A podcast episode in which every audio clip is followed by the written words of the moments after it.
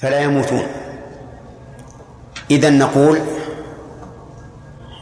من جهة الأزلية ليس هناك مخلوق يكون أزليا أبدا. من جهة الأبدية ها؟ إيش؟ فيه تفصيل. منه ما خلق على أنه أبدي ومنها ما خلق على أنه أمدي يفنى ويزول. طيب. يقول رحمه الله مخلوقة لربنا من العدم وظل من أثنى عليها بالقدم. معنى أثنى عليها؟ أي وصفها بالقدم. نعم. ثم قال وربنا يخلق باختياره من غير حاجة ولا اضطرار لكنه لم يخلق الخلق سدى كما أتى في النص فاتبع الهدى. هذا بالنسبة لأفعال الله عز وجل. أفعال الله سبحانه وتعالى اختيارية. كما قال الله تعالى ويضل الله الظالمين ويفعل الله ما يشاء وقال وهو على جمعهم إذا يشاء قدير يعني إذا شاء جمع جمعهم فهو قدير عليه لا, لا, لا يعجز عنه. وليست المشيئة هنا تابعة للقدرة. يعني أنه قدير إذا شاء لا. بل هو يجمع إذا شاء الجمع فإنه لا يستعصي عليه بل هو قادر عليه. فالله تعالى يفعل باختيار وليس يفعل لذاته بدون اختيار كما زعمه بعض أهل البدع. بل فعله تابع لمشيئته إن شاء فعل وإن شاء لم يفعل. ولو قلنا إن فعله ذاتي لزم أن يفعل الشيء كرها عليه. وهذا شيء مستحيل. بل هو يفعل ما يشاء من إيجاد أو إعدام. من إيجاد على سبيل البقاء أو إيجاد على سبيل الزوال. فهو سبحانه وتعالى يفعل ما يشاء باختياره. قال من غير حاجة. ولا اضطرار. يعني أنه لا يحتاج للفعل ولا يضطر إليه. والفرق بين الحاجة والضرورة أن الحاجة ما أن الضرورة ما يحصل الضرر بفقده والحاجة ما يحصل الكمال بفقده. الحاجة كمالية والضرورة ضرورية. إذن الأمور الضرورية ما يحصل ما يحصل الضرر بفقدها والحاجية ما يحصل آه، ما يفقد الكمال أو ما يفوت الكمال بفقدها. فمثلا نحن الآن الكتب التي نقرأ بها في المقررات ضرورية ولا كمالية؟ ضرورية. لأن لو لو لم يكن هذه الكتب صار علينا ضرر. والكتب التي للمراجعة وزيادة العلم حاجية لأنه يفوت بفقدها الكمال ولا يحصل بفقدها الضرر. فهل الله عز وجل محتاج إلى الخلق بمعنى أنه لو لم يوجد هذا الخلق لفات كماله؟ لا. هل هو في ضرورة إلى وجودهم؟ لا. من باب أولى. طيب أفعاله التي يفعلها هل يفعلها لحاجته إليها؟ لا. لضرورته إليها؟ لا. أنا أفعل الأفعال لحاجتي. أكتسب لأزداد مالي هذه حاجة. أكتسب لأنقذ نفسي من من الهلاك هذا ضرورة. لكن الله عز وجل يفعل بلا حاجة ولا اضطرار. لأن الله عز وجل يقول وهو الغني الحميد. وهو الغني الحميد فهو غني عن كل أحد حميد على كل فعل وعلى كل صفة فلا يفعل لحاجة ولا يفعل لضرورة. طيب فإن قال قائل هل تنفون حكمة الله؟ إذا قلتم إنه لا يفعل لحاجة ولا لضرورة هل تنفون حكمة الله تعالى في أفعاله؟ الجواب لا. لكن الحكمة لا تعود لنفسه بل تعود لغيره. ولهذا قال المؤلف نافيا لهذه الشبهة قال لكنه لم يخلق الخلق سدى. كما أتى في النص فاتبع الهدى. يعني لما قال لما قال في الأول إنه يفعل بلا حاجة ولا ولا اضطرار كأن قائلا يقول إذن. خلق الخلق عبث. لأن لأنه ما, لأنه ما دام ليس فيه حاجة ولا اضطرار فإنه يكون عبثا. فنفى المؤلف رحمه الله هذا الوهم وقال لم يخلق الخلق سدى. ودليل هذا أنه لم يخلق الخلق سدى دليله أثري ونظري. أما أما الأثري فقوله تعالى أيحسب الإنسان أن يترك سدى؟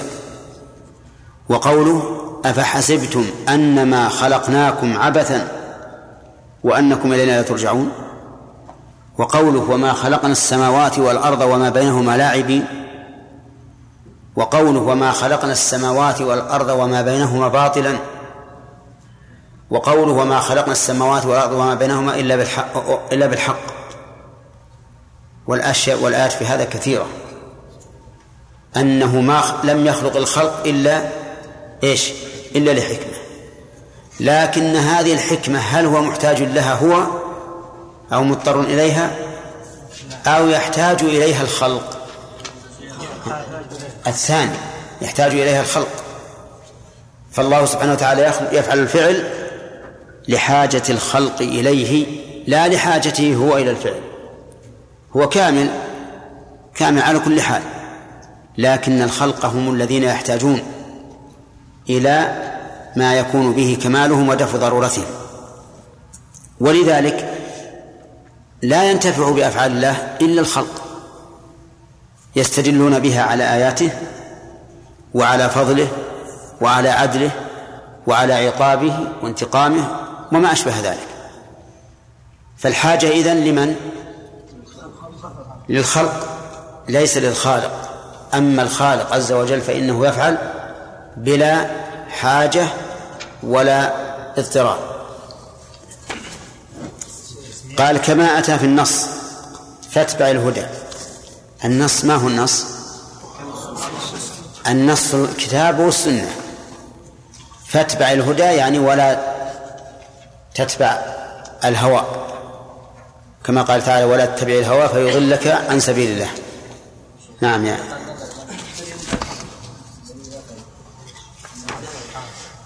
كيف؟ أخذناه أخذناه. النظر هو هذا. أنه لو أنه أن الله تعالى. نعم. الدليل النظري على أن الله لا يخلق لحاجة ولا اضطرار أنه كامل. أن العقل يدل على كمال الخالق والكامل لا يحتاج إلى مكمل. هنا لا ما فيه تسميع لأن هذه أربعة أبيات ها؟ كيف؟ إي وقيل يكفي الجزم إي طيب. لكن هذا أظنكم قرأتموه. ها؟ إي. خير إن شاء الله. تسميع تسميع لا بأس. نعم. الله قال قائل الله سبحانه وتعالى قد يحتاج إلى بعض صفاته. فلولا كلام الله سبحانه وتعالى ما فهم الناس مراده. إذا من الذي يصلح؟ من الذي انتفع؟ الناس. اي هذه أيضا الله لو ما, لو ما يحتاج له الله يعني لو كفر الناس كلهم يحتاج الله لإيمانهم؟ ما يحتاج. ما في حاجة لله أبدا. لا تتصور هذا. إنما هو عز وجل يفعله لأجل مصلحة العباد. لكن هو حاجة بل ضرورة بالنسبة للعباد. نعم. إذا مات الإنسان الآن معنى موته أن أوقف إذا إذا مات إذا نفخ في الصور نعم. هل تموت أو لا لا ما تموت. ما يكون حي؟ أبد باقي الروح إذا نفخ في الصور عادت الأرواح إلى أجسادها. لا لا إذا نفخ نفخة الصاعق الصاعق يصعق الحي يصعق يموت. تبقى هي تبقى الروح. نعم. يكون ميت. اي معلوم نعم. الله سبحانه يفعل اختيارا واذا قلنا نعم. الذاتي بمعنى أن طبيعته حركة بدون شعور. نعم. قول بعض الناس لا سمح الله. والله ما أرى هذا. لأن كلمة لا سمح الله تشعر بأنه يكره على الشيء. ولكن قل لا قدر الله ذلك لا بأس. لا قدر الله يعني تسأل الله أن لا يقدر هذا الشيء. المنتفي لا قدر الله. ها؟ موجود في لا سمح الله شيء. كيف المنتفي؟ لأنه يقول لا سمح الله في شيء يكره الله على الفعل ظاهره نعم. في قوله لا قدر الله. لا ما فيه. في في دليل على أن الأمور كلها بيده. لكن ولهذا تقول لو سمحت تعطيني كذا وكذا. فلا ينبغي أن تعبر بهذا. هذا مثل مثل تعبير بعضهم. فيصلى على فلان ثم ينقل إلى مثواه الأخير. هذا حرام أن تقوله. لأنك إذا قلت إلى مثواه الأخير لازم من ذلك لا يكون بعث. لأن القبور ليست هي المثوى الأخير. ألهاكم التكاثر حتى زرتم المقابر. سمع أعرابي رجل يقرأ هذه الآية يقول ألهاكم التكاثر حتى زرتم المقابر. قال والله ما الزائر بمقيم وش وراء المقابر هذه؟ شوف فهمهم غريب. والله ما الزائر بمقيم وش اللي وراء هذا؟ نعم لا بد أن يكون وراءه شيء. إي نعم. نعم. جزاك الله خير يا شيخ. صحيح الأرواح في مكان يعلمه الله سبحانه وتعالى. لا فيها. أرواح المؤمنين في الجنة. والشهداء في في قناديل معلقة تحت العرش وأرواح الكفار في, في النار. لأن النار والجنة موجودتان نعم هنا البرزخ معناها الفاصل بين بين الموت بين الحياة الدنيا والحياة الآخرة. هذا البرزخ. البرزخ مو اسم المكان. البرزخ معناه الشيء الفاصل.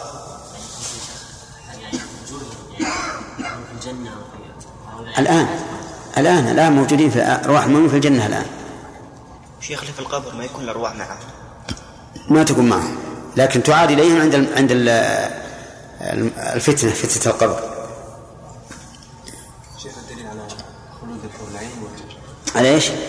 خلود أرواح الحور العين والأولاد في الجنة حتى الله عز وجل يبني هؤلاء لا ما في دليل. الأصل بقاءهم ما في دليل.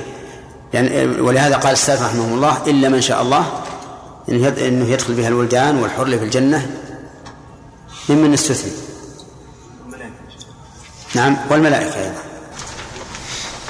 يكفي فيما يطلب فيه الجزم ولو كان تقليدا ولو كان تقليدا. طيب. واستدل بماذا؟ بقول الله سبحانه وتعالى اسألوا أهل الذكر كنتم لا نعم فالله سبحانه قد أحال للعلماء ولحال العلماء بما قال يقتضي تقليدهم بما قال. طيب. لكن بس هذا قد يقول قائل هذا في الأحكام أني ما أحتاج إلى الجزم. الله سبحانه أطلق فاسألوا أهل الذكر لا تعلمون ولا ما في شيء أصرح؟ أيضا بسم الله سبحانه وتعالى سورة النحل وما أرسلنا من قبلك إلا رجالا نوحي إليهم فاسألوا أهل الذكر. وهذا معناه اسألوهم عن هذه الرسالة والرسالة من من الأمور الأصول- الأصولية. طيب. في أيضا دليل استدلوا استدلوا به غير مسألة النص. غير النص غير النص. نظري يعني أي نعم. أن العالم لا يستطيع الأحكام بنفسه ليس عنده آلة وأن العلماء مجمعون على صحة إيمان العامة مع أنهم ليس عندهم كما قلت. ليس عندهم اجتهاد ولا نظر في الأدلة. هل علم الله مخلوق يا هداية الله؟ نعم هو من صفاته. طيب والصفات غير مخلوقة ما وجه ذلك؟ لأن صفاته قديمة والقدم والمخلوق متزادان الله متزادان ها؟ والمخلوق وال والصفات صفات الله تعالى. أي. يعني صفات الله غير مخلوقة. ما وجه ذلك؟ يعني المخلوق والقديم متزادان. يعني المخلوق حادث. ولا القديم أزلي. أزل نعم. ما متزادان. أي. وفيه تعليل غير هذا؟ ما فيه تعليل غير هذا؟ فيه تعليل آخر وجهة نظر أخرى؟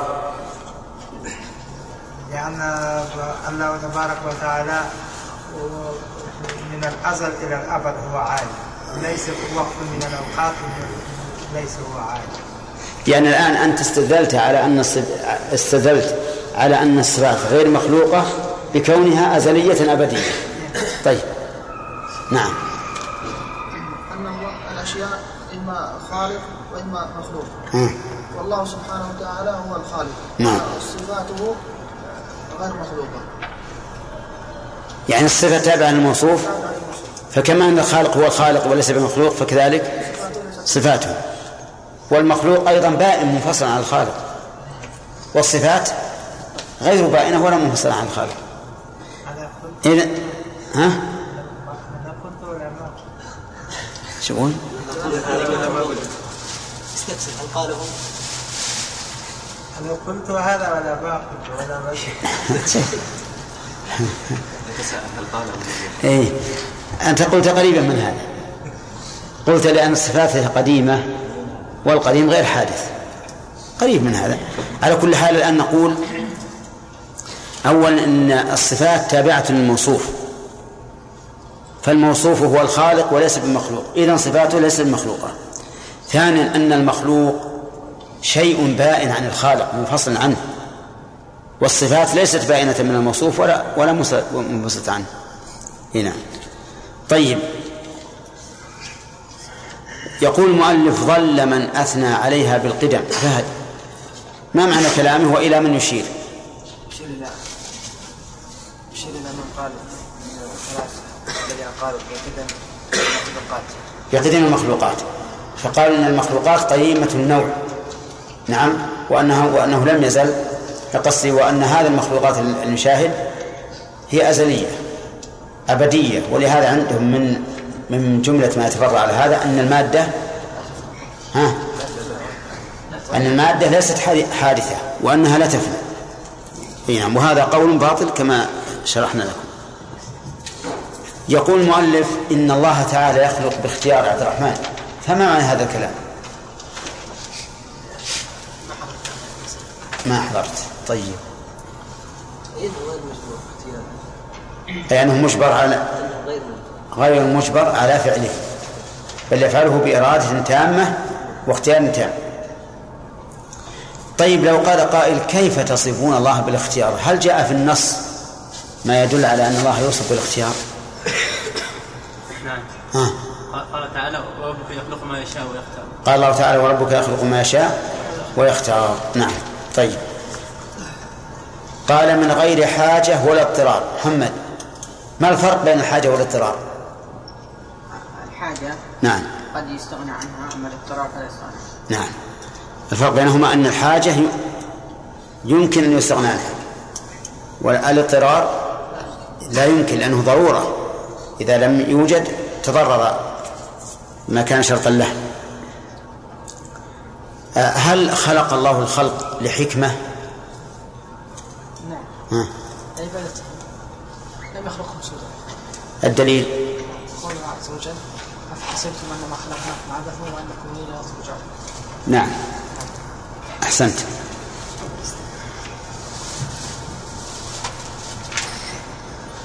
إذا قولك كما أتى في النص يشير إلى إلى الدليل. يشير إلى الدليل. ثم قال المؤلف رحمه الله أفعالنا مخلوقة لله. هذا بحث جديد. ها؟ كيف؟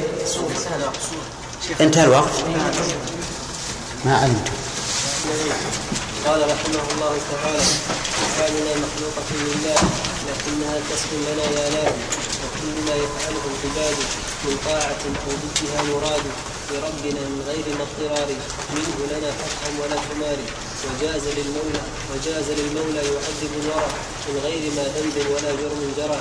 وكل ما منه تعالى يجمل لأنه عن فعله لا يسأل. فإن يثب فإنه من فضله وإن يعذب فبمحض عدله. بس. بسم الله الرحمن الرحيم. قال المؤلف رحمه الله تعالى أفعالنا مخلوقة لله. أفعالنا يعني ما نفعله من طاعة أو معصية. سواء كان باليد أو الرجل أو العين أو الأنف أو الأذن كلها مخلوقة لله. وذلك لأن الأفعال من صفات الله ونحن مخلوقون لله. وخالق الأصل خالق للصفة. فإذا كان الإنسان مخلوقا لله فإن صفاته أيضا مخلوقة لله. فأفعالنا صفات لنا وخالق الذات خالق للصفة. ولهذا صح أن نقول إن أفعالنا مخلوقة لله. هذا وجه. الوجه الثاني أن فعل الإنسان ناتج عن أمرين. عن إرادة وقدرة. عن إرادة وقدرة. أما القدرة فالله تعالى هو الذي خلقها ولا إشكال فيها. لو شاء الله عز وجل سالب الإنسان القدرة وصار عاجزا عن الفعل. الإرادة كذلك نقول إن الله هو الذي خلقها. لأنه هو الذي يودع في القلب هذه الإرادة. وما أكثر ما يريد الإنسان شيئا وفي آخر لحظة يتجه إلى غيره.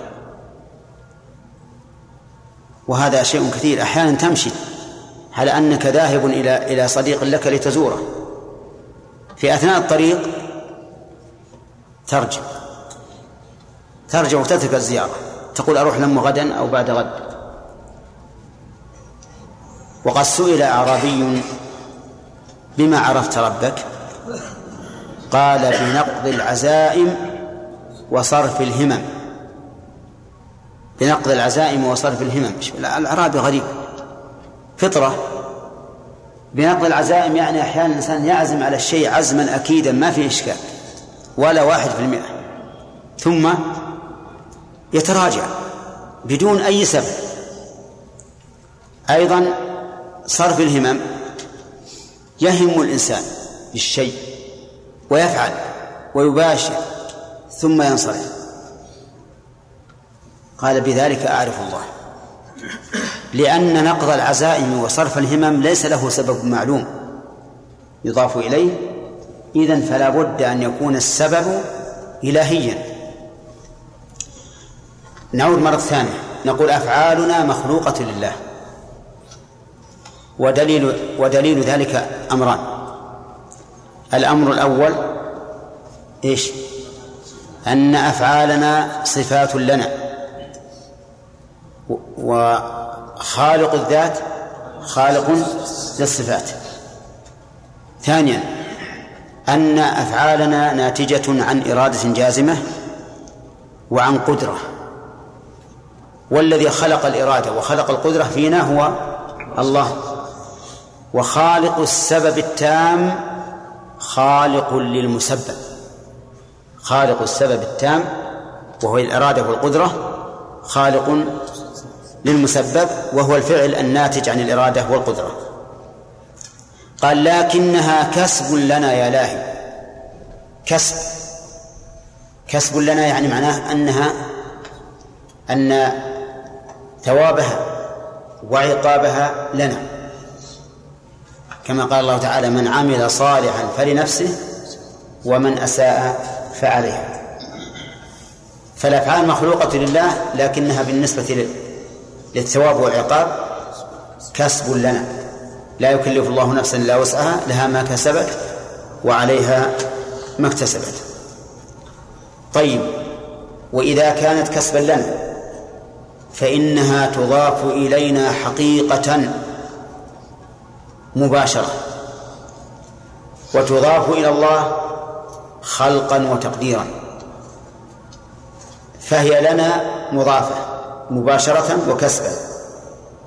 وهي لله مضافة خلقا وتقديرا. فلما انفكت الجهة أمكن الاجتماع. وإلا فقد يقول قائل كيف تضيف أفعالك إلى الله وإلى نفسك؟ هذا تناقض لأنك إن أضفتها إلى الله لازم أن لا تضيفها إلى نفسك وإن أضفتها إلى نفسك لازم أن لا تضيفها إلى الله. وقد ذهب إلى هذين الاحتمالان طائفتان إلى هذين الاحتمالين طائفتين. فالجبرية قالوا أضفها إلى الله وإذا أضفتها إلى الله لا يمكن أن تضيفها إلى نفسك. والمعتزلة القدرية قالوا أضفها إلى نفسك وإذا أضفتها إلى نفسك لا يمكن أن تضيفها إلى الله. ولهذا جعلوا عن المعتزلة جعلوا فعل العبد منفصلا عن عن الله عز وجل. لا يشاء ولا يخلقه والجبرية بالعكس جعلوا فعل العبد منفصلا عن العبد فهو مجبور عليه. وجه الشبهة عندهم يقولون كيف نضيف فعلا واحدا إلى فاعلين؟ هذا لا يمكن. لا يمكن تضيف هذا إلى الله وإلى الإنسان لأنه فعل واحد. لا يصدر من فاعلين. ولكن نقول نحن في الجواب عن ذلك إن الإضافة مختلفة. الإضافة مختلفة. ففعلنا مضاف إلى الله تقديرا وخلقا. مضاف إلينا فعلا وكسبا نحن الذين باشرنا الفعل. فأنت إذا صليت ليس هو الله المصلي. إذا صمت فليس الله هو الصائم. إذا تصدقت فليس الله المتصدق. بل الصائم والمصلي والمتصدق أنت أنت المباشر. وأنت الذي لك ثمرة هذا العمل من ثواب أو عقاب. أما الله فإنه عز وجل مقدر وخالق فقط. فلما انفكت الجهة صحت النسبة إلى الله وإلى وإلى من؟ وإلى الإنسان. طيب. إذا قال قائل ما الدليل على أن أفعالنا مخلوقة لله؟ قلنا الأدلة في هذا كثيرة قال الله تعالى ولو شاء الله ما اقتتل الذين من بعدهم من بعد ما جاءتهم البينات ولكن اختلفوا فمنهم من آمن ومنهم من كفر. ولو شاء الله ما اقتتلوا ولكن الله يفعل ما يريد. ولو شاء الله ما اقتتل الذين. إذا اقتتالهم بإيش؟ بمشيئة الله. ولكن الله يفعل ما يريد. إذا ففعلهم منسوب إلى الله. خلقا. كما أنه منسوب إلى الله إرادة وتقديرا. وقال تعالى ولو شاء ربك ما فعلوه. ولو شاء الله ما فعلوه. فأضاف فعلهم إلى الله. وأنه واقع بمشيئته. وأما إضافته إلى إلى العبد فهو كثير. إضافته إلى العبد كثير جدا. إن الذين آمنوا وعملوا الصالحات وأقاموا الصلاة وآتوا الزكاة لهم أجرهم عند ربهم. شوف آمنوا أضاف الفعل وعملوا الصالحات أقاموا الصلاة آتوا الزكاة إليهم لها ما كسبت وعليها ما اكتسبت. وتوفى كل نفس ما عملت. فأضاف الله تعالى الأفعال والكسب إلى الفاعل المكتسب.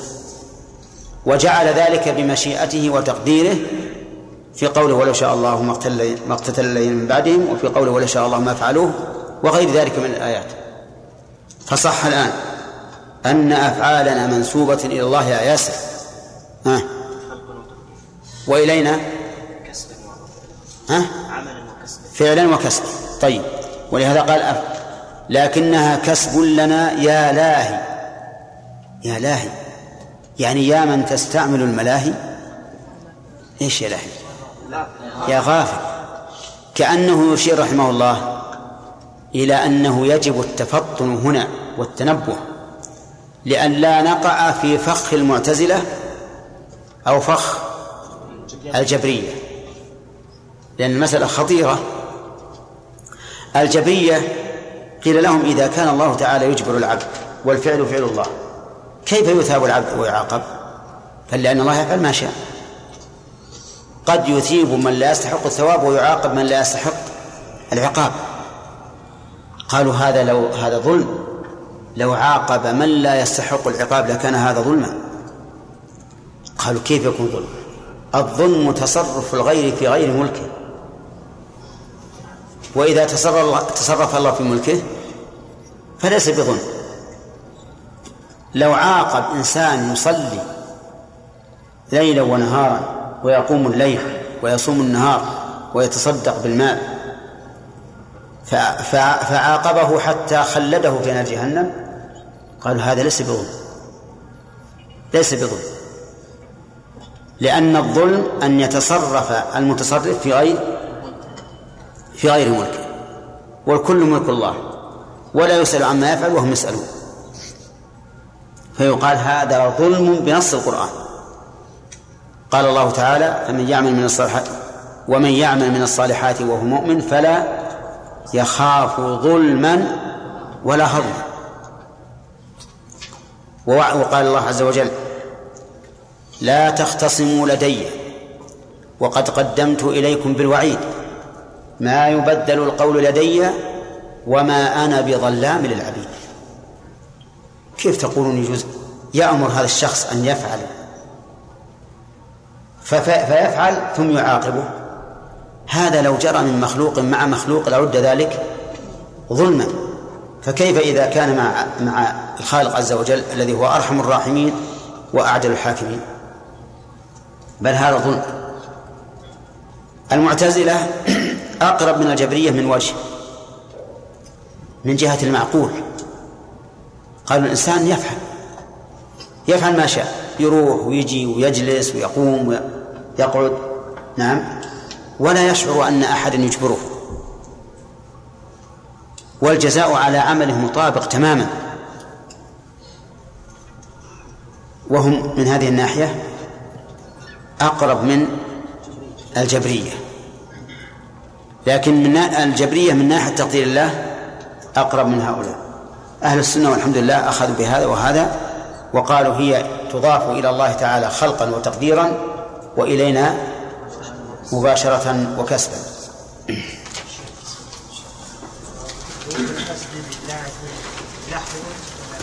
ها؟ لله يا هي لهو يا لهو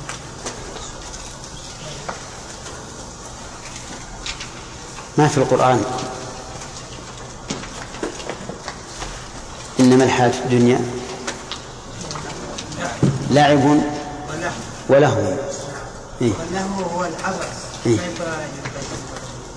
لا اللاهي قد يكون غافل يعني لها عن كذا يعني غفل عنه. المراد الغفلة نعم. يقولون أنه لا فاعل على حقيقة ما هو صحيح. الفاعل حقيقة الإنسان.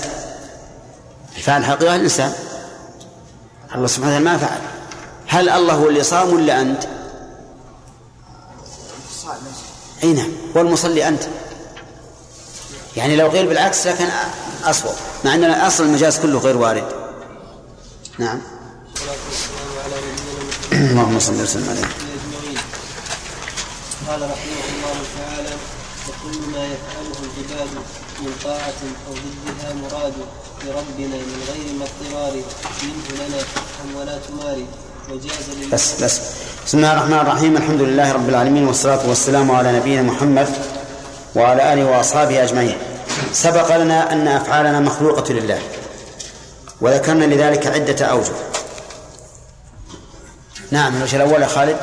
الوجه الأول أن الله عز وجل هو خالق الذات نعم. وخالق الذات خالق الصفات. خالق للصفات نقول مخلوقا من هذا الوجه نعم هذا واحد. ثاني؟ أن أفعالنا تحتاج إلى قدرة وإرادة نعم. الله سبحانه وتعالى هو الذي خلق القدرة والإرادة فينا الذي خلق السبب هو خالق المسبب. خالق السبب التام خالق للمسبب تمام. الثالث لما ذكرنا ثلاثة أوجه ها؟ أن الله قال الله أظن ذاك. أن الله خالق كل شيء. كما قال تعالى الله خالق كل شيء. وهذا العموم يشمل أفعال العباد لأن أفعال العباد من الشيء. واضح؟ طيب. يقول المؤلف لكنها كسب لنا يا لاهي هذا الاستدراك إيش معناه؟ نعم. اي يعني هي مخلوقة لله لكنها ليست كسبا له بل هي كسب.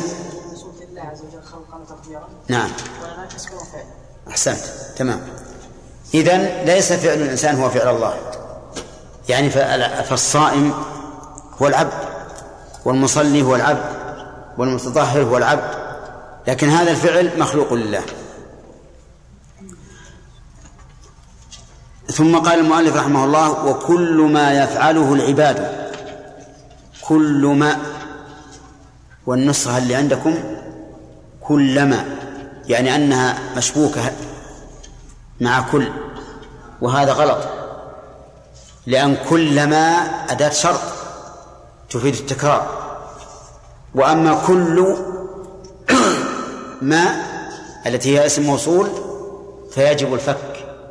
يعني تكتب كل وحدها وما وحدها. يا والتقدير وكل الذي يفعله العباد. كل الذي يفعله العباد من طاعة أو ضدها مراد لربنا. كل ما يفعله العباد من الطاعة أو ضدها فهو مراد لله. أي واقع بإرادته واقع بإرادته الكونية. ثم إن كان طاعة فهو واقع بإرادته الكونية والشرعية. وإن كان غير طاعة فهو واقع بالإرادة الكونية دون الشرعية. انتبه. كل ما يفعله العباد فهو مراد لله. ودليل ذلك العقل والسمع السمع والعقل. أما السمع فمنه قوله تعالى ولو شاء الله ما اقتتل الذين من بعدهم من بعد ما جاءتهم البينات ولكن اختلفوا فمنهم من آمن ومنهم من كفر. ولو شاء الله ما اقتتلوا ولكن الله يفعل ما يريد. فدل هذا على أن قتالهم كان بمشيئة الله.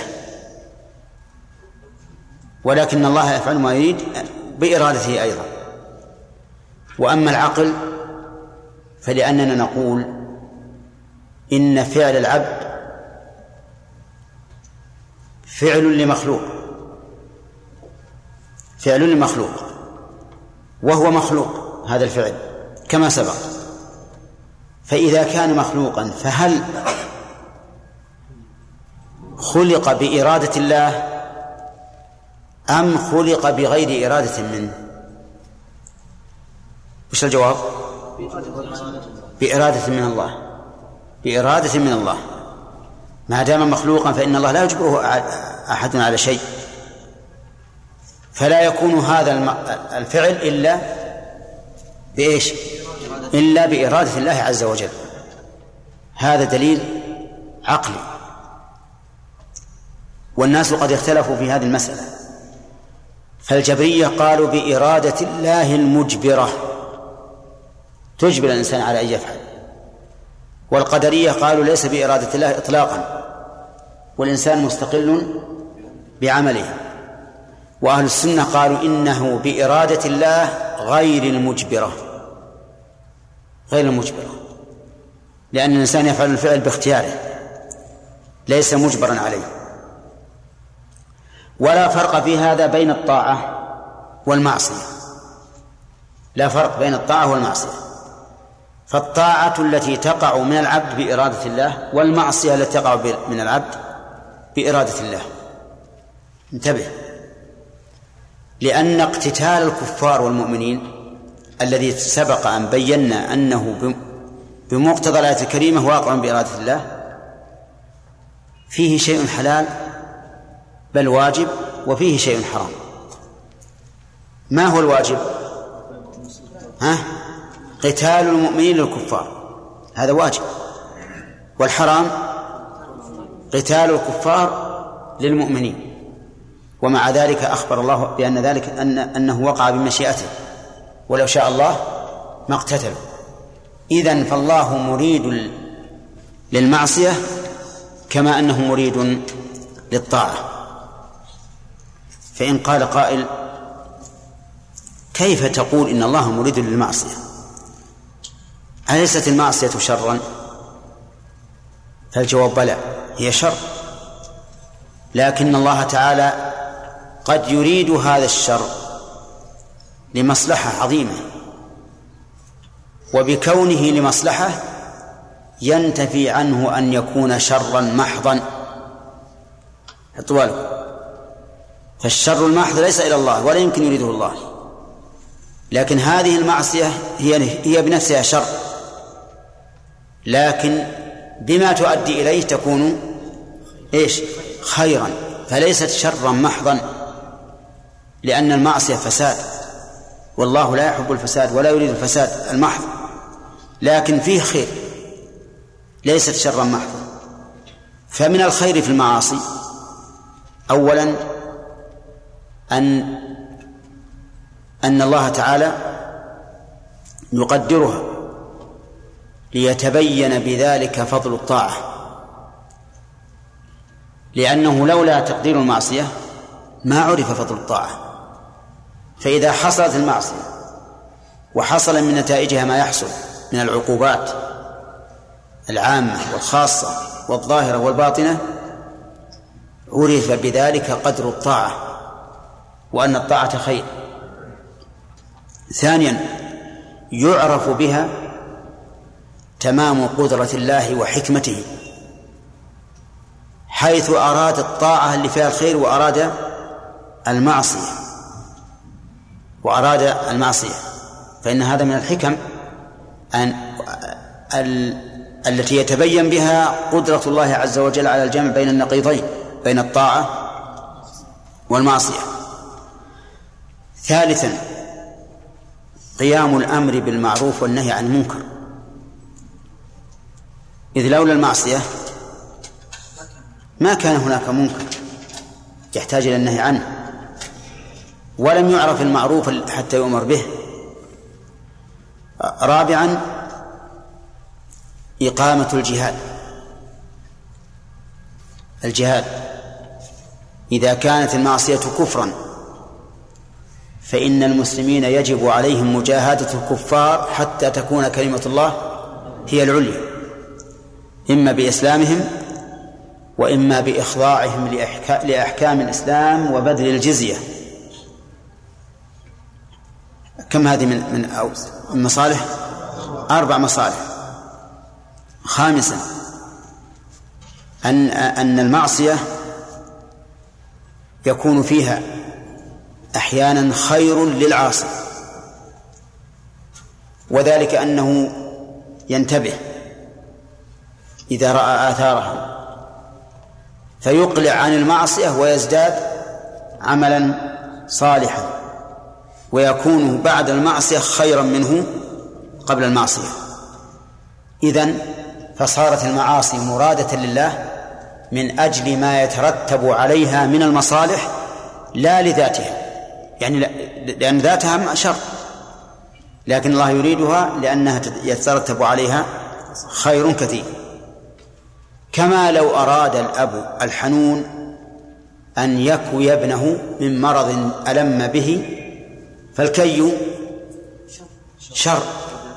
لكن لما يترتب عليه من المصالح يكون مرادا للأب. ولهذا لو أراد أحد أن يكوي ابنه بدون سبب لمانعه بقدر ما يستطيع. وكان بعض المعتزلة يقول إن الله يريد الطاعة لأنها خير. ولا يريد المعصية لأنها شر. ولا يريد المعصية لأنها شر. والله تعالى لا يحب الشر ولا يحب الفساد. فقال ذات يوم عند رجل من أهل السنة سبحان من تنزه عن الفحشاء. سبحان من تنزه عن الفحشاء. كلام هذا طيب. هل الله يفعل الفحشاء؟ حاشا وكلا. هذه الكلمة إذا سمعها العامي قال إن هذا الرجل قد قدس ربه ونزهه عما لا يريد. ولكن هذه الكلمة ظاهرها رحمة وباطنها عذاب. فالله عز وجل تنزه عن الأمر بالفحشاء. قل إن الله لا يأمر بالفحشاء. ولم يقل قل إن الله لا يقدر الفحشاء. وفرق بين الأمر بالفحشاء وبين تقدير الفحشاء. المهم أنه لما قال سبحان من تنزه عن الفحشاء. قال له السني سبحان من لا يكون في ملكه إلا ما يشاء. أين صح؟ ها؟ الثاني. لأن العاصي مملوك لله ومعصيته داخلة في ملك الله. فهل يمكن أن يكون أن تكون معصية لم يشأها الله؟ إن قلنا نعم فقد حكمنا بأنه يكون في ملك الله ما لا ما لا يشاء. فقال له المعتزلي أرأيت إن منعني الهدى إن منعني الهدى وقضى علي بالردى. أحسن إلي أم أساء. مشكل إن منعني الهدى يعني خلان كافر. فهل أحسن إلي أم أساء؟ يعني لأجل يلزم السني. يقول إذا كنت ترى أنه بإرادة الله بأن أن كفره بإرادة الله فقد أساء إليه. وهل الله يسيء إلى أحد؟ ها؟ فقال له السني إن منعه ما هو ما هو عليه فقد أساء وإن منعه فضله فذلك فضل الله يؤتيه من يشاء أجاب جواب سديد ولا لا؟ قال هل الله واجب عليه أنه يهدي الناس؟ الهداية فضل من الله إن تفضل بها عليك فقد أحسن وإن منعك فإنه لم لم يمنع حقا واجبا عليه لك فقطع المعتزل وبهت وعجز عن عن الجواب. وهذا هو الحق. كل ما في الكون من طاعة أو ضدها فهو مراد الله ويأتي إن شاء الله بقية الكلام عليه. نعم.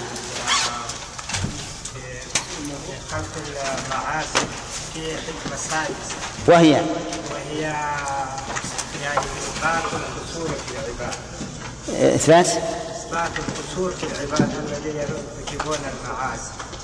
وهم خاسرين يعني قصور ليس كاملين أي. وكذلك إثبات التفاوت بين الناس. بعض الناس يرتكبون كثير وبعضهم معصومون نعم. وبعضهم متوغلين كالكفار. نعم. يعني إثبات الحكمة يعني الحكمة في مثلا غير خمسة أسنان هذا. كل سبعة حكمة ما شاء الله. طيب جزاك الله خير. ها؟ تسعة وعشرة. ها؟ عشرة؟ زين أجل راجعها في التفسير. وجاز للمولى يعذب الورى من غير ما ذنب ولا جرم جرى. وكل ما فيه تعالى منه ما منه. فكل ما منه نعم. فكل ما منه تعالى يجمل. يجمل.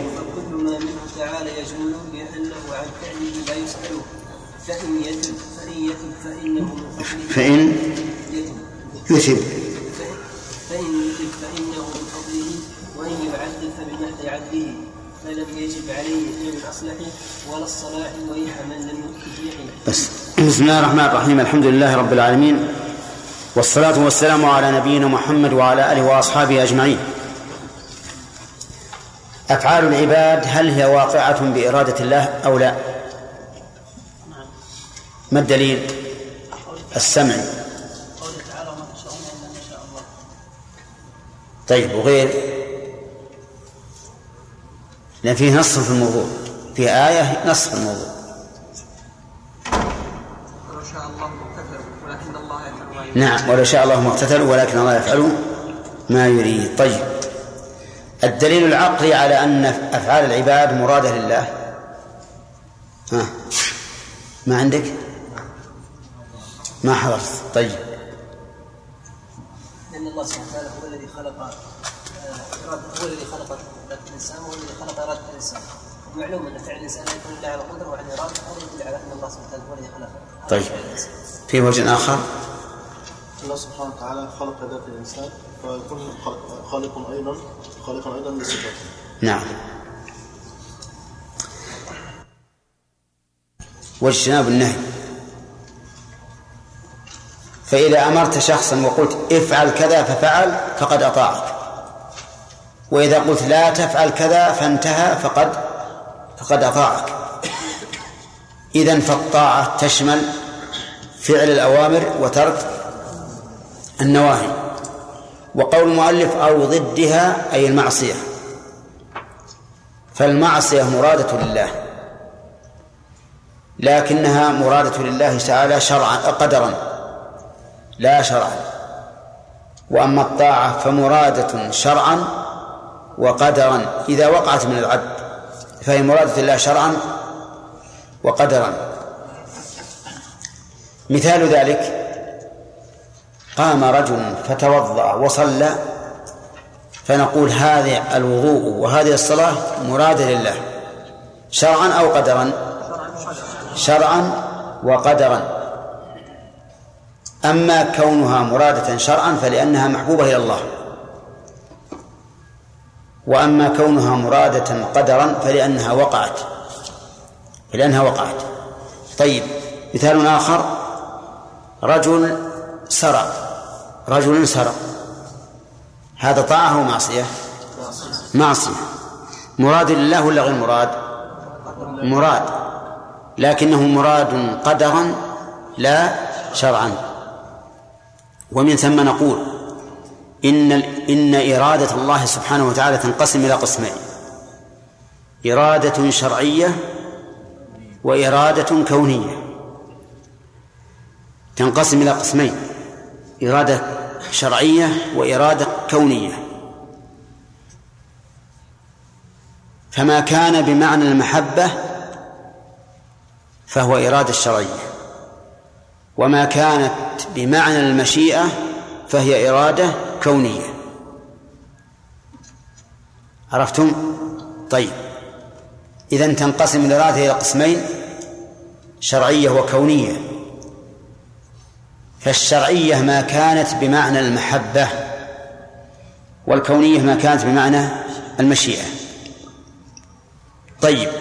فكل شيء محبوب إلى الله فهو مراد له شرعا وكل شيء واقع فهو مراد له كونا لأنه لم يقع إلا بمشيئته. طيب إذن الفرق بينهما. أن الإرادة التي أن الإرادة الشرعية بمعنى المحبة. هذا واحد. يعني تختص بما يحبه الله. الإرادة الشرعية قد يقع فيها المراد وقد لا يقع. فالله تعالى يريد الصلاة شرعا لكن قد يصلي الإنسان وقد لا يصلي مع أن الله قد أراد الصلاة شرعا. إذن تختص الإرادة الشرعية بإيش؟ ها بما يحبه الله. ثانيا لا يلزم فيها وقوع المراد. الإرادة الكونية على العكس يلزم فيها وقوع المراد ولا تختص بما يحبه الله بل تكون فيما يحبه وفيما يكرهه. واضح؟ طيب.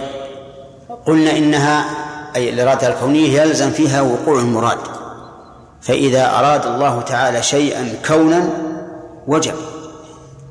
إنما أمره إذا أراد شيئا أن يقول له كن فيكون.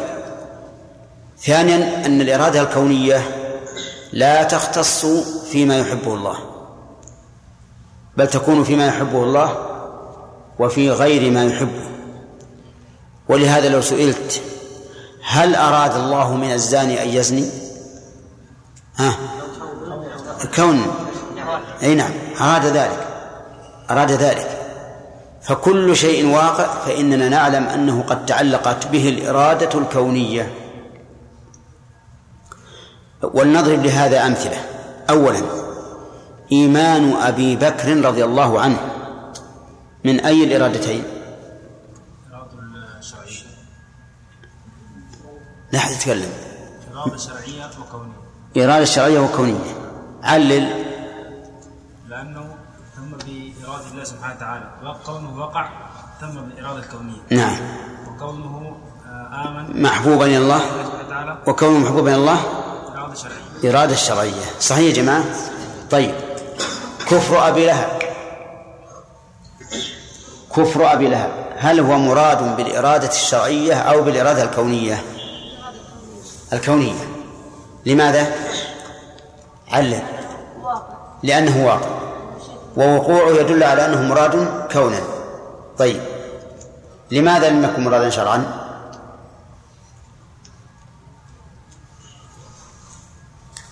ها. لأنه غير محبوب لله. كل شيء يقع في الكون وهو غير محبوب إلى الله فهو مراد مراد كونا لا لا شرعا. واضح يا جماعة؟ طيب. إيمان أبي لهب. نصر. ها. نعم.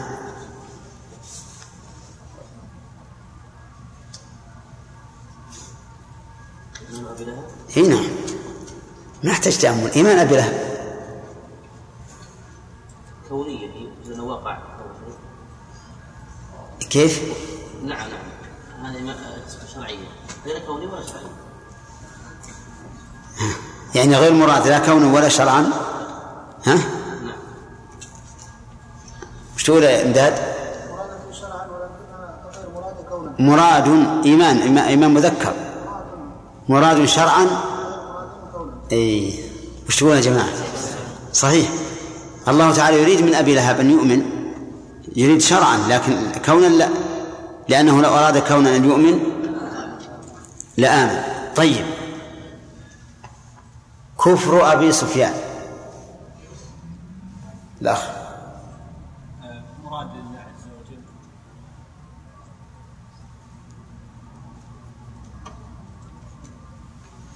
شرع كفره مراد شرعا؟ هل الله يحب الكفر؟ ها؟ مراد كونا؟ كيف؟ وعن أبي سفيان رضي الله عنه. لأن مراد شرعا لأن الشرع يدعو إلى الكفر. لأن لا. نعم عبد الرحمن.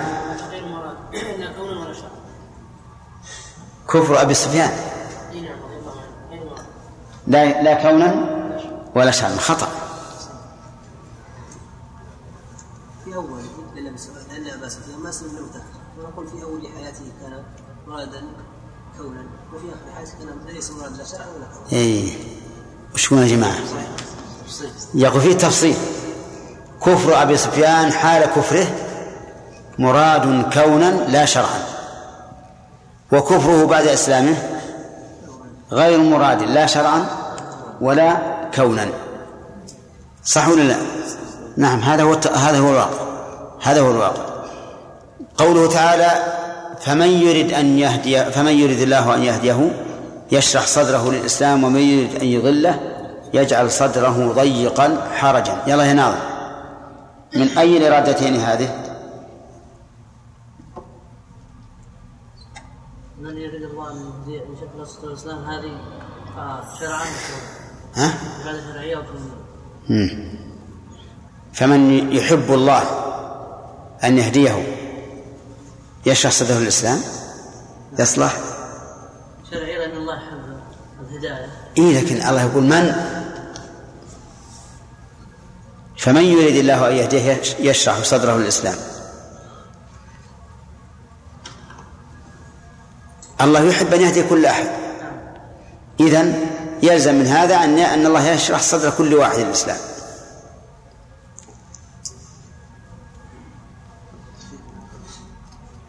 نعم. الآية الأولى. من يريد الله أن يهديه يشرح صدره للإيمان. الإسلام. الإسلام إرادة كونية وشرعية. والآية الثانية إرادة والآية الثانية إرادة ومن أن كونية لا شرعية؟ طيب في الآية الأولى هل الله يريد أن يشرح أن يهدي الكافر ولا لا؟ أي نعم. إذا أراد. لا إذا قلت شرعية. إذا إذا قلت أنها شرعية صار معناه أن أن الكافر يلزم أن يشرح الله صدره الإسلام. لا إذا هو أراد الله سبحانه وتعالى يهديه.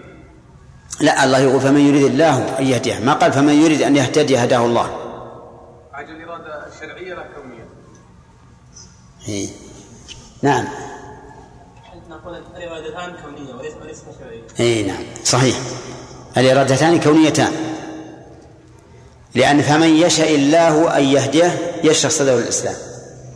وليس المعنى فمن يحب الله أن يهديه يشرح لأن الله يحب أن يهدي كل أحد ويلزم من هذا أن يشرح صدر كل أحد. طيب. إذن الإرادة في الآية كونية. في في الجملة الأولى والثانية. يلا يا ياسر. يريد الله ليبين لكم ويهديكم سنن الذين من قبلكم. ها. هذه إرادة إرادة شرعية. شرعية. شرعية إرادة شرعية؟ هذه إرادة شرعية كونية. شرعية كونية. كيف؟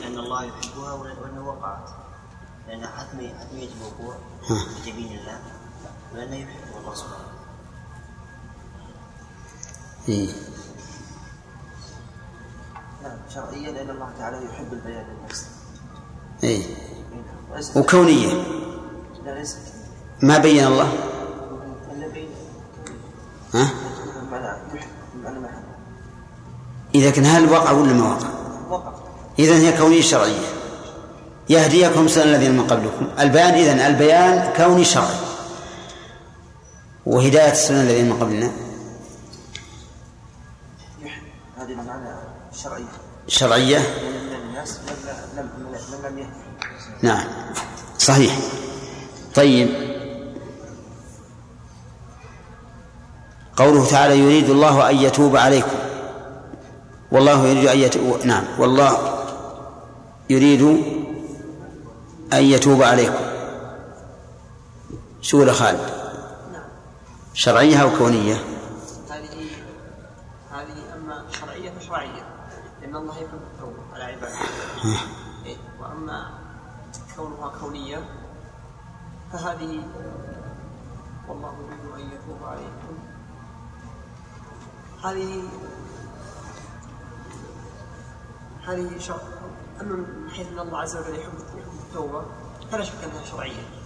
وأما كونه تاب على بعض الناس أو لم يتب فهذه شرعية لمن تاب عليهم كونية لمن لم يتب عليهم لأنه لو أراد التوبة على الجميع لكانت واقعة. والله لم يتب على كل الناس لأن في بعض الناس يدخلون النار كثير. الخلاصة. الخلاصة أنها أنها كونية. كونية. أنها كونية. أنها شرعية شرعية شرعية. شرعية. ما في اختلاف. ما في خلاف شرعية. آه. شو شرعية كونية. لا شرعية. شرعية. نعم. لأن الله يحب أن يتوب على الجميع. لكن عاد فيه كوني يعني هل يتوب عليهم أو لا هذا شيء يرجع إلى مشيئته فهي شرعية. طيب لأنه لو كانت قدرية لتاب الله على كل الناس. طيب قوله هود إن كان الله يريد أن يغويكم. شو الأخ؟ نعم.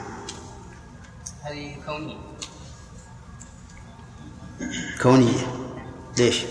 لأن الله لا يريد الاغواء لا يحب الاغواء يشتغلون صح تمام.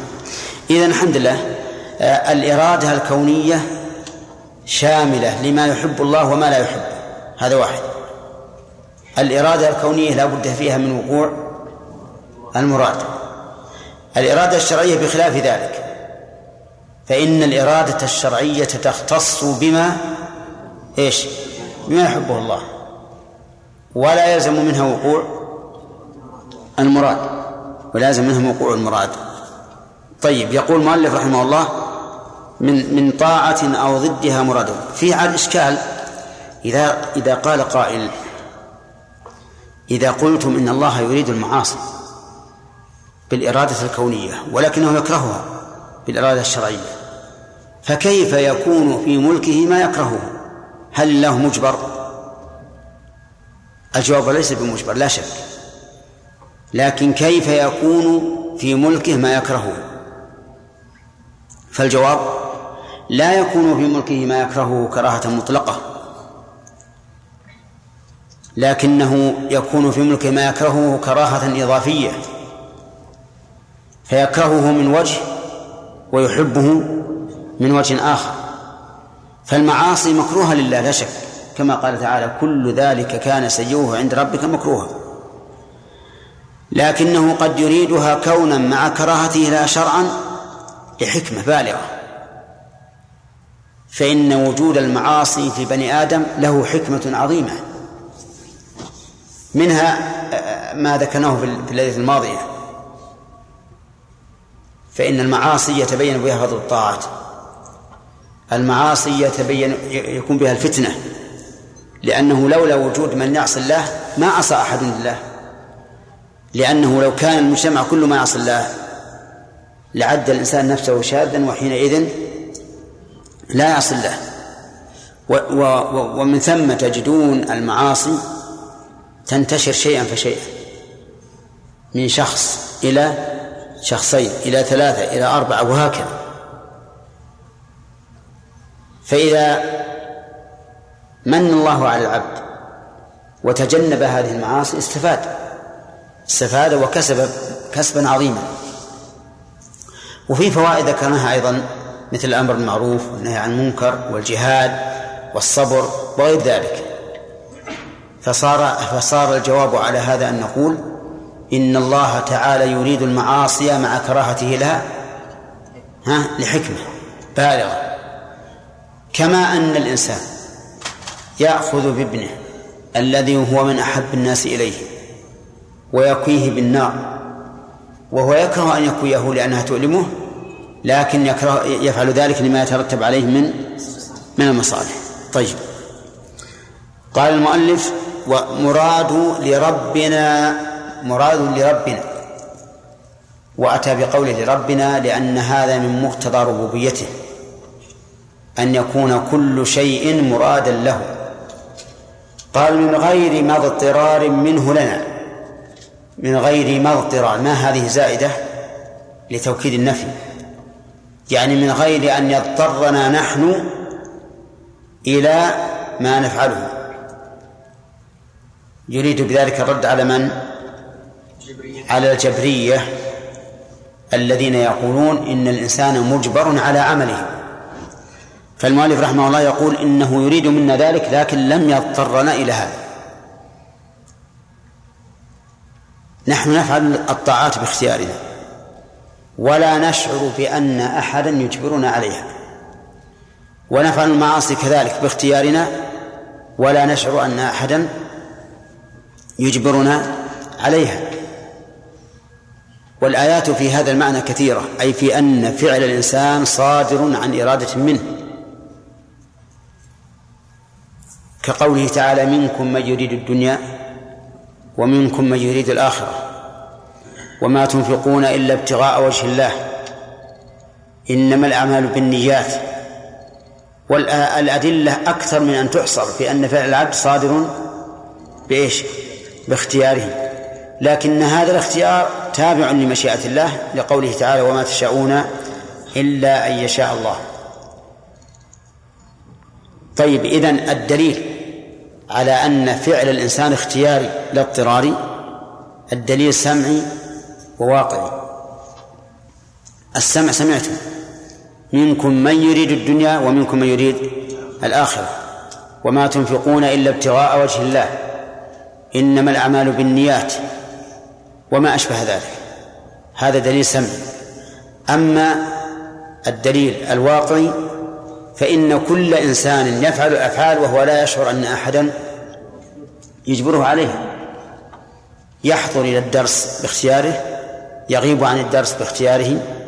ولهذا إذا وقع الفعل من غير اختيار لم ينسب إلى العبد بل يرفع عنه إثمه.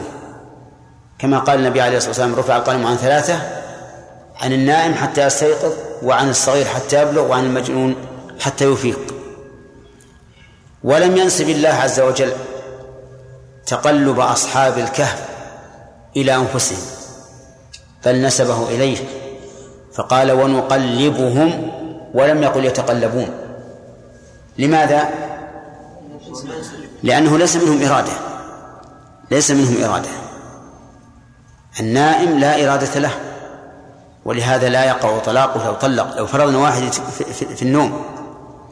يكلم زوجته يا فلانة أنت طالق ثلاثا بتاتا.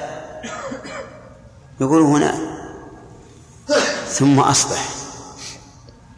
فجاءت زوجته إليه فقال أبعدي عني قد طلقتك ثلاثا بتاتا. ما تقولون؟ تطلق ولا لا؟ لا إله إلا الله. هو قال أنت طالق ثلاثا بتاتا. ها؟ لا هذه خبر, خبر عن نوم الليل. لكن نقول تطلق إذا كنت نائما. ها؟ إلا وهو نائم تطلق. لأنه قال وهو نائم أنت طالق ثلاثا بتاتا. نقول إذا نمت طلقت وإذا استيقظت رجعت لم تطلق. على كل حال هذا النائم لا ينسب فعله إليه لأنه وقع بغير إرادة. وكان الصحيح بناء على هذا يعني هذه قاعدة مضطردة. لو طلق السكران وهو سكران لا يعي ما يقول فإن طلاقه لا يقع. لو طلق الغضبان غضبا شديدا لا يملك نفسه فإن طلاقه لا يقع لأنه بغير إرادة. فإذا كان الشيء بغير إرادة فإنه لا حكم له. لا حكم له شرعا. فتبين بهذا أن وقوع الشيء بإرادة منا ثابت بالقرآن والواقع. نعم. قال فافهم ولا تماري افهم. ولا تماري أي لا تجادل. لأن المراء بغير حق. ولكن من أجل أن ينتصر الإنسان هذا مراء محرم. لأنه يجادل بالباطل ليدحض به الحق. أما أما الذي يماري لإثبات الحق فإن ذلك من الجدال المأمور به.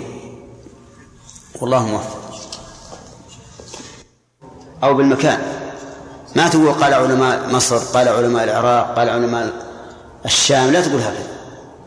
نعم.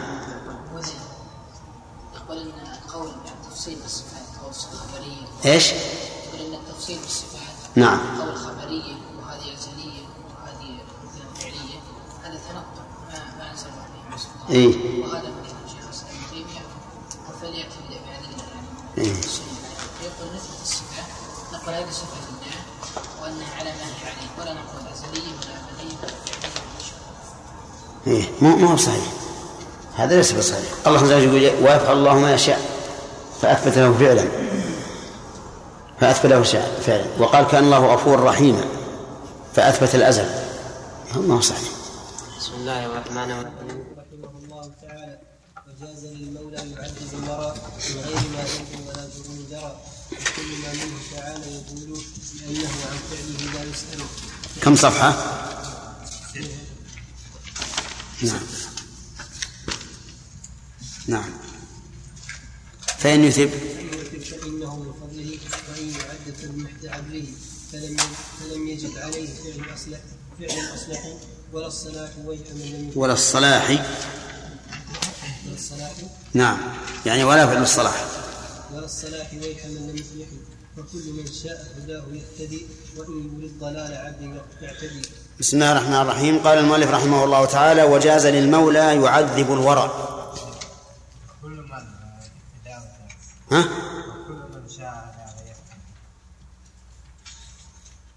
فكل إيه؟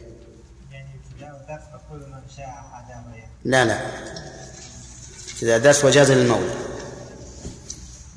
قال المؤلف رحمه الله تعالى وجاز للمولى يعذب الورى من غير ما ذنب ولا جرم جرى. جاز للمولى يعذب. هذه فيها أشكال من جهة اللغة العربية. وهي أن يعذب قائمة مقام الفاعل. أي جاز للمولى تعذيب. مع أن الحرف المصدري محذوف منها. محذوف منها. فهل يعتبر هذا شاذا؟ الجواب لا. الشذوذ أن يحذف الحرف المصدري وينصب الفعل بعده. فيقال وجاز للمولى يعذب. هذا الشاذ. ومنه قولهم تسمع بالمعيد خير من أن تراه. تسمع. التقدير إيش؟ أن تسمع. فالشذوذ هنا كون أن تنصب وهي محذوفة. أما أن يرفع الفعل ولكنه يحل محل المصدر فهذا لا بأس به. فهذا جائز وسائر في اللغة العربية وكثير. ومنه قوله تعالى ومن آياته يريكم البرق خوفا وطمعا. من آياته يريكم أي إراءتكم. ومن آياته إراءتكم البرق خوفا وطمعا. فهنا يؤول الفعل بمصدر وإن لم يوجد فيه حرف المصدر ولا بأس بذلك. ما دام ما دام حرف المصدر لم يعمل مع الحذف فإنه لا بأس به. أفهمتم الآن؟ وسبك المصدر بدون حرف مصدر كثير. ومنه قوله تعالى أيضا سواء عليهم أأنذرتهم أم لم تنذرهم. أي سواء عليك إنذارهم أم عدمه طيب. كلام المؤلف وجاز للمولى يعذب الورى. هكذا. شاذ ولا غير شاذ؟ ها؟ غير شاذ. وجاز للمولى يعذب الورى. شاذ. لماذا؟ لأننا إذا قلنا يعذب أعملنا حرف المصدر مع حذفه وإذا قلنا يعذب لم لا لم نعمله. نعم بل ولا نقدره أيضا. وجاز للمولى وهو الله عز وجل. والله سبحانه وتعالى مولى كل أحد بالمعنى العام. ومولى المؤمنين بالمعنى الخاص. قال الله تعالى ذلك بأن الله مولى الذين آمنوا وأن الكافرين لا مولى لهم. هذا الولاية الخاصة. وقال الله عز وجل حتى إذا جاء أحدكم الموت توفته رسلنا وهم لا يفرطون ثم ردوا إلى الله مولاهم الحق. وهم كفار.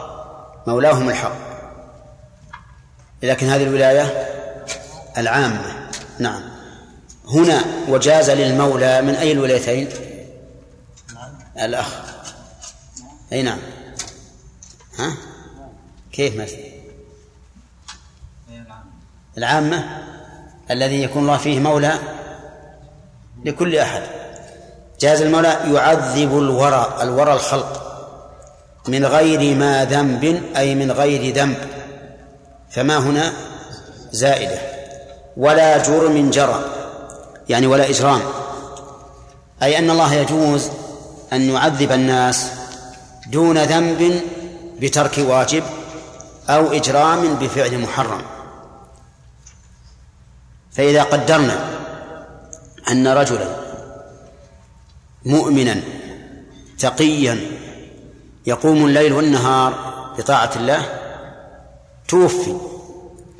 فإن الله يجوز أن يعذبه ويخلده في النار. طيب ليش؟ لماذا؟ رجل مؤمن تقي قائم بطاعة الله ليلا ونهارا نعم ومات على ذلك يجوز أن يعذبه الله ويخلده في النار. كيف ذلك؟ قال المؤلف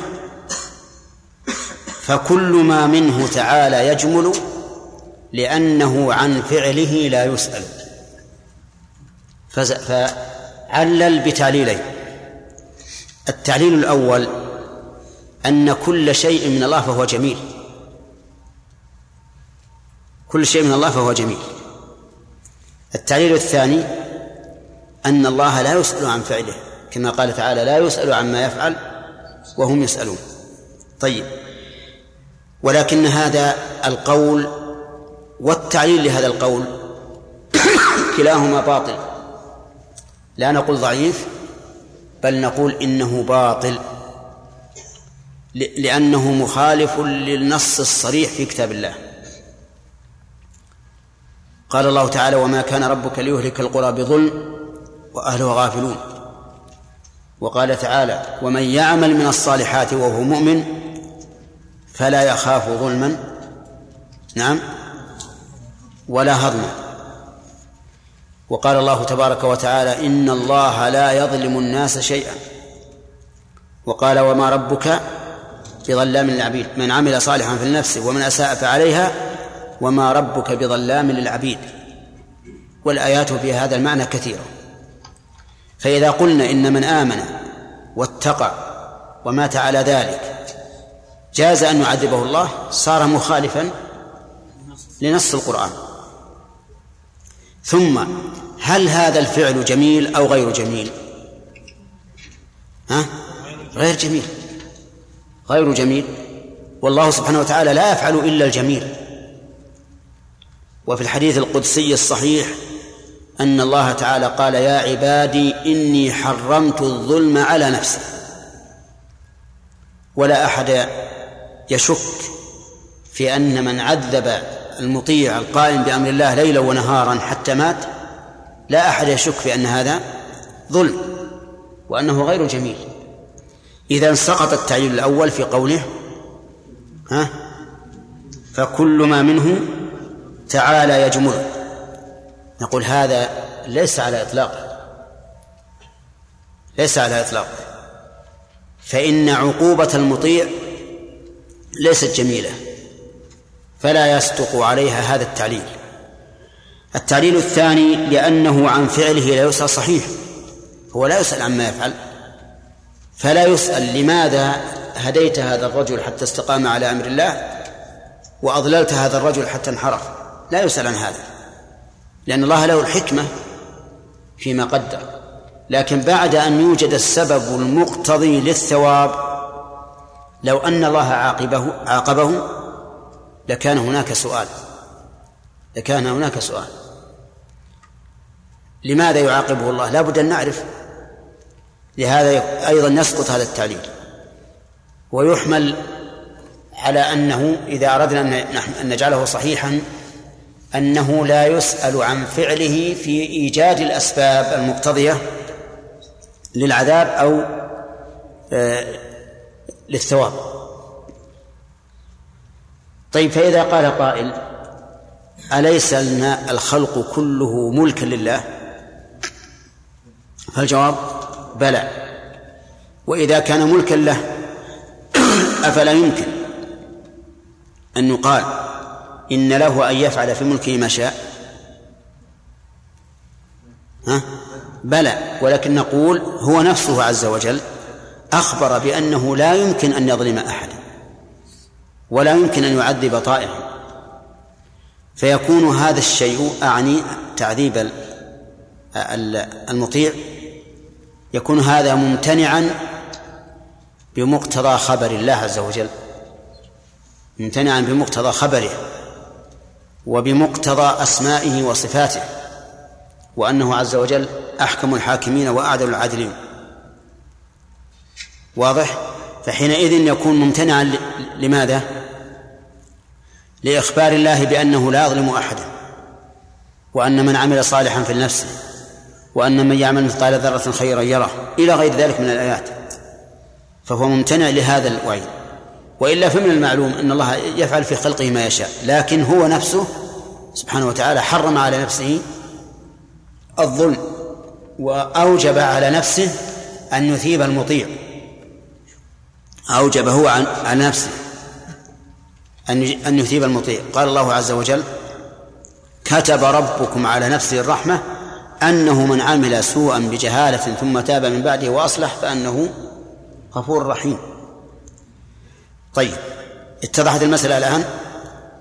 صار قول المؤلف وجاز للمولى يعذب الورى من غير ذنب ولا جرم قولا باطلا مخالفا للكتاب والسنة ومخالفا لما تقتضيه أسماء الله وصفاته. وأما التعليلان المذكوران فهما أيضا غير صحيحين بالنسبة لهذه المسألة لأنه إذا قال هو كل فعل من أفعال الله فهو جميل قلنا لا جميل في تعذيب المطيع. نعم. وإذا قال لأنه عن فعل لا يسأل نقول هذا في منع السبب المقتضي للثواب أو العقاب. فإذا هدى شخصا وأضل شخصا فإنه لا يسأل. ما يقال يا ربي لما هديت فلان وأضللت فلان؟ لكن إذا وجد الضلال أو الهدى فإنه لا بد أن يترتب عليهما مقتضاهما من ثواب في الهدى وعقاب في الضلال. ثم قال المؤلف فلم يجب عليه فعل الأصلح ولا الصلاح. ها؟ نعم فإن يثب نعم. فإن يثب فإنه من فضله وإن يعذب فبمحض عدله. إن يثب يعني إن يثب المطيع فإنه من فضله. هذا صحيح. إذا أثاب المطيع فإن ذلك فضله. طيب ولكن هذا الفضل هل أوجبه الله عن نفسه أو لا؟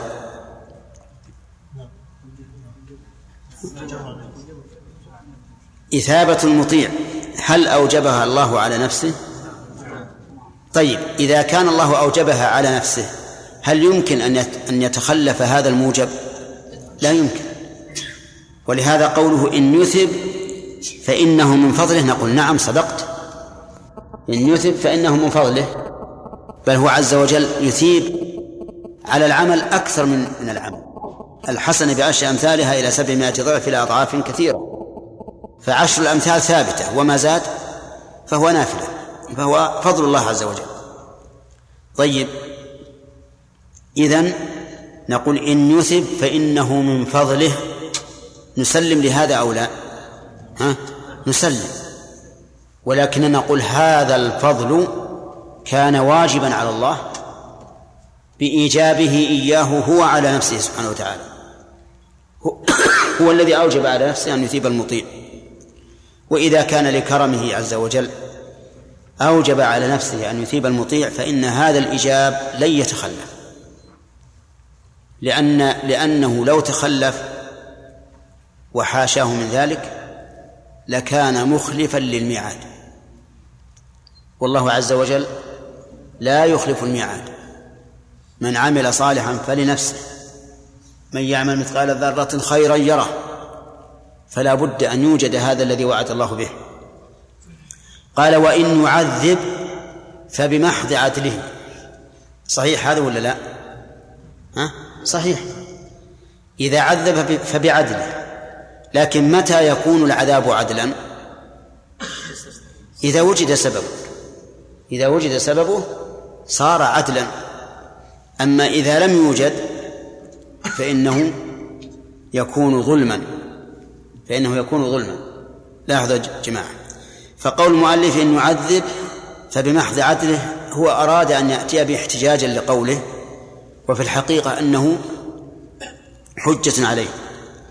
لأننا نقول التعذيب يكون عدلا إذا وجد سببه وإذا لم يوجد سببه فليس بعدل ونضرب مثلا لذلك إذا كان الله عز وجل قال من فعل كذا وفعل كذا وفعل كذا فله الجنة ثم قام الإنسان بفعله ثم عاقبه الله بالنار هل هذا عدل؟ ها؟ لا ليس بعدل. ليس بعدل. كل يقول إن هذا ليس بعدل. وإذا لم يكن عدلا فإن قول المؤلف وإن يعذب فبمحض عدله لا يصح في مثل هذه الصورة. وإنما يصح ها فيما إذا خالف المكلف. فإنه إذا خالف ثم عذب على المخالفة إما بترك واجب أو فعل محرم فحينئذ يكون يكون هذا عدلا ويكون تعذيب الله له عدلا. وانظروا إلى تمام العدل وتمام الفضل. السيئة بإيش؟ بمثلها. لا تزيد. والحسنة بعشر أمثالها.